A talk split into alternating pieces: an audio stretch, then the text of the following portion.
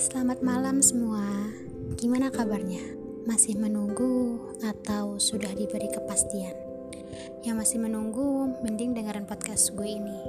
Malam ini, gue akan bawain podcast dengan tema Broken Home. Pasti istilah ini udah gak asing lagi kan di telinga kalian? Broken home itu apa sih menurut kalian?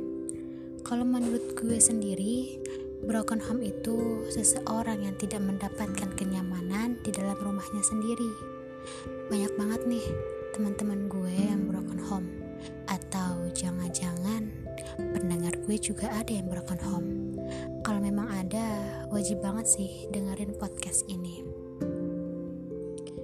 Emang sih ya, dalam kehidupan ini yang berat itu masalah sama keluarga sendiri Gara-gara broken home, banyak nih khususnya perempuan yang putus asa sehingga dia kabur dari rumahnya karena broken home itu hanya mencari kesenangan di luar rumah. Baginya, rumah adalah tempat yang paling tidak nyaman. Tapi, dengan dia kabur, apa masalah selesai? Tentu tidak dong pastinya. Dia jadi bergaul dengan orang yang gak benar. Lo bayangin kalau lo berada di posisi dia, lo kabur terus bergaul dengan orang yang gak benar. Misalkan teman lo ini perokok, pasti lo bakal diajak untuk merokok dengan rayuan-rayuannya dia. Kayak contoh, lo cobain ini deh, ini bakal bikin lo lebih tenang dan masalah lo bakal hilang. Akhirnya lo cobain itu rokok dan lo ketagihan. Ada yang lebih parahnya lagi, bergaulnya itu udah kelewat batas. Tahu kan maksud dari kelewat batas? Nah dari sini masalah lo bukannya berkurang malah tambah rumit. Ada juga yang menyelesaikan masalah dengan bunuh diri. Karena menurut dia masalahnya rumit banget akhirnya dia memutuskan buat bunuh diri. Padahal setiap masalah itu pasti ada jalan keluarnya jadi jangan akhiri hidup dengan bunuh diri. Please, hidup kalian itu berharga. Terlalu mudah, terlalu bodoh jika diselesaikan dengan bunuh diri.